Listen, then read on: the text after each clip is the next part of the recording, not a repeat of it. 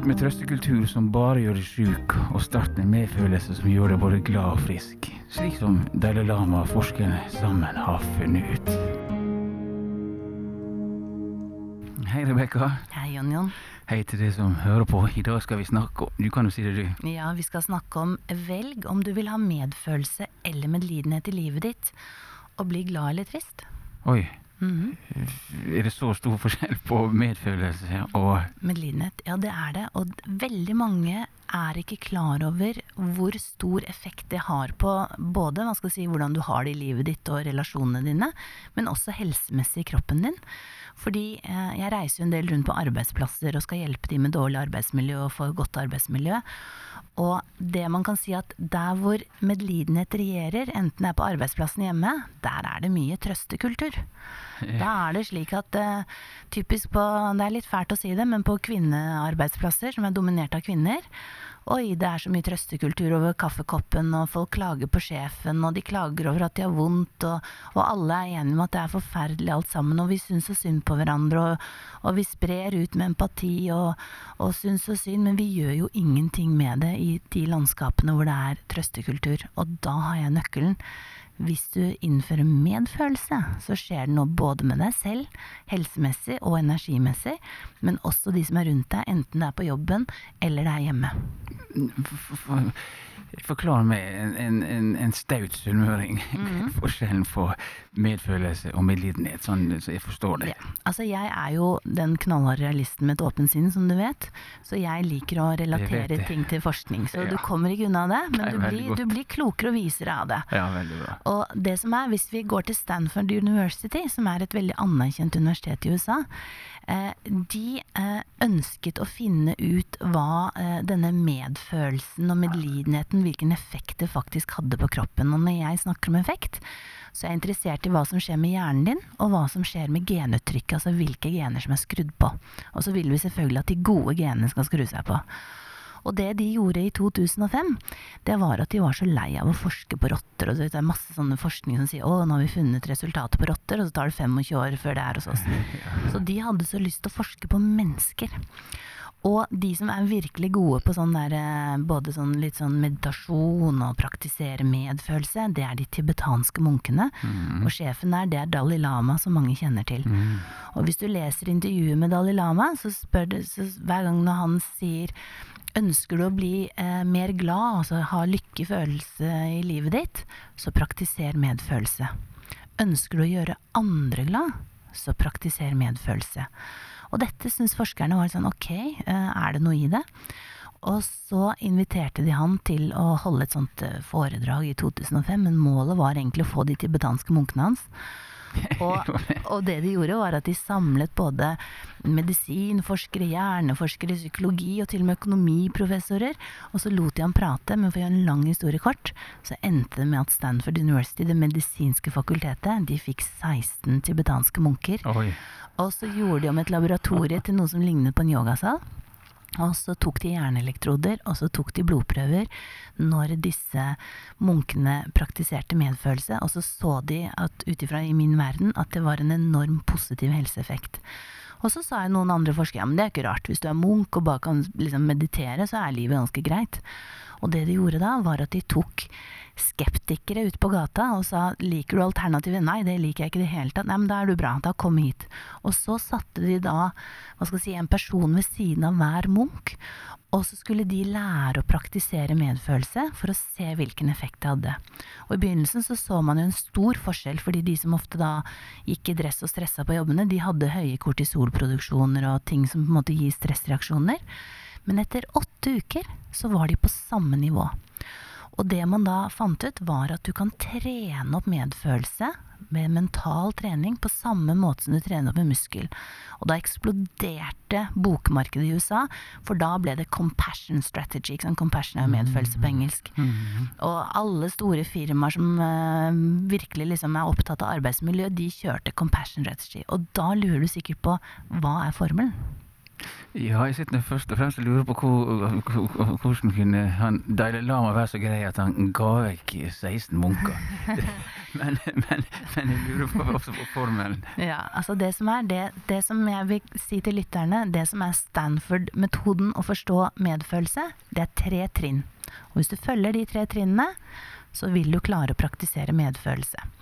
Og det første trinnet er at hvis, du, hvis vi nå sier at man skal praktisere medfølelse for en annen, det er å se lidelsen som den personen har. En eller annen form for lidelse. Og så når du har definert helt korrekt hva den lidelsen er, så skal du gå til trinn to, og det er å føle empati. Og, og, og, Forskjellen på empati og, medfølelse? Ja, altså empati, er, empati er den biten hvor du da har evnen til å sette deg inn i en annen situasjon, som i dette tilfellet da er noe vanskelig, punkt én, som var lidelsen også at du føler så mye på den følelsen. Da kan du gjerne bruke ting fra livet ditt til å føle hvordan det er. Og så er tredje trinnet at du skal finne på en handling som du kan gjøre for den personen, som skal redusere det du fant i punkt én, altså lidelsen. Hvis du bare gjør punkt én og to, altså ser lidelsen til en annen, og så føler empati, så har du medlidenhet, og da får du trøstekultur. Mm, mm. Men hvis du tar tredje trinn og kommer med en konkret handling, så blir det medfølelse. Og det man da ser når man måler hjerneaktivitet og gennivå, det er at hvis du tar alle tre trinnene, så får du den effekten. Hvis du bare tar medlidenhet, så får du betennelsesreaksjoner i kroppen. For det er slitsomt at folk bare syns synd på deg, og så syns du synd på deg selv, og så kommer man ikke videre. Og det som kvinner ofte gjør, de tar punkt én og to. Mm. Men vet du hva menn pleier å gjøre? Jeg aner meg. Ja, de, de, må ofte få for, fortalt, særlig midt på natten når kvinner vil prate om de store problemene, for, fortalt hva problemet er, altså lidelsen. Og så vil de helst ikke føle så mye på det, for det blir så mye føleri og følger av. Ja. Så de går rett over til handlingen, og så vil de løse problemet. Ja. Og så skjønner de ikke at kona da sitter og er misfornøyd etterpå. Men hun føler ikke at hun er blitt sett. Hun bryr seg nesten ikke om hva du har gjort. Om du har malt den veggen i, i mokka, eller grå er det jo inn nå, ikke sant? Ja. ikke sant? Hun bryr seg ikke om det, for du har ikke sett henne. Og det man kan ha som et eksempel, det er f.eks. hvis du har en, en, en, en, mann som kanskje har hatt et slag, som er bautaen i familien. Eh, og så har han kanskje problemer med å gå. Så hvis vi skal ta det som et konkret eksempel, så kan vi si ok, hvis vi nå skal prøve oss på trinn 1, 2, 3 så sier vi at ok, lidelsen hans er at han faktisk har problemer med å gå fordi han, han, han drar på den ene foten. Det er lidelsen. Ikke, ikke, bare det at 'å, han har, han har fått slag'. Det er altfor viktig. Ja, det er foten hans som er problemet. Konkret. Ja. Og så skal vi føle empati. Og han er bautaen i familien, kanskje familiefar. Så kan man si ok, man skjønner at han, han har kanskje ikke smerte, for han er kanskje mer nesten lam i foten, men han sliter med å bevege foten. Og han vil føle at folk syns synd på han, og det syns han er ille, for han er vanligvis vant til å være sterk. I tillegg, det at han er sterk, gjør at dette blir mye vanskeligere for han fordi han er bautaen i familien. Og når man da kan kjenne på hvor liksom både det fysiske, men også det psykiske han sliter med. Hvis vi kan føle hvordan det er, da kan vi gjerne ta en episode i vårt eget liv hvor, hvor vi har hatt det vanskelig, og så, og så gjenkjenne den følelsen. Og så, hvis vi stopper der, da stopper mange kvinner der og sier å nå, nå prater jeg ikke, nå lar jeg ham være i fred og se på fotballkampen, eller ja, stakkars han, ikke sant. Og da blir det medlidenhet. Og da vil han etter hvert bli irritert. Kona vil bli irritert. Men hvis du da går til handling og sier kom igjen, få på deg skoene, og så sier han jeg klarer ikke å knyte skoene. Ja, men da gjør jeg det. Nå skal vi ut og gå, sånn som fysioterapeuten sa. Og så tvinger du han til å gå. Det som da skjer, det er det første er at du hjelper han rent fysisk, at han øver seg til å gå. Og du vil også hjelpe han psykisk, at han føler seg bedre. Og han kan da heller på en måte, hva skal jeg si, føle seg bedre når han klarer å gå ti meter lengre. Og da er det medfølelse. Og dette kan du også gjøre på arbeidsplassen med en kollega, f.eks. den grå musen som ingen vil ha i kaffepausen. Kanskje hun er veldig god på regnskap. Ikke sant? Så hvis du på en måte kan praktisere medfølelse, du ser egentlig hvis du løfter blikket at hun er ensom. Det er hennes lidelse. Hun er veldig ensom i kaffepausen, for ingen bryr seg om henne. Så kan du føle empati. Hvordan er det å være et sted med mange mennesker, men likevel føle seg ensom? Det er noe av det verste. Det er verre enn å være alene på fjellet. Ja. Så kan du faktisk praktisere det siste handlingstrinnet. Ikke da si 'Å, stakkars deg, vil du komme og drikke kaffe?' Men si 'Du, du som er så god på regnskap, jeg trenger litt hjelp, jeg. Kanskje du har lyst til å snakke over det over en kopp kaffe?' Da har du en handling hvor hun slipper å være ensom, og hun føler ikke at du syns synd på henne. Hun føler 'Oi, de er interessert i at jeg er god i regnskap'. Hvor tar dette her oss da i den eh, daglige dint og dott, for å si det sånn? Hvor- hvor- Hvordan kan vi eh, trene på det? Ja, Og- og- altså jeg, jeg ville sagt begynn med en gang. Begynn med dine nærmeste, ikke sant. Ta og Praktiser medfølelse, enten det er i familien eller det er hun som sitter i kassa i butikken som, som alle står og ser litt irritert på for hun taster inn numrene for sent. ikke sant? Ta Praktiser, liksom si at uh, når du møter henne i butikken, ikke sant, si at 'Å, jeg skjønner at du har en tøff dag, og det er bare du som er på vakt', liksom. Eh, og så kan du huske selv når du har vært stressa og si at eh, Men jeg syns det er viktig at vi koser oss litt, så kan du snakke til køen bak. Jeg syns vi skal si at hun gjør en fantastisk jobb. Det er ikke så mye som skal til. Det trenger ikke være de store krisene. Du trenger ikke å redde verden hver eneste dag med, med medfølelse.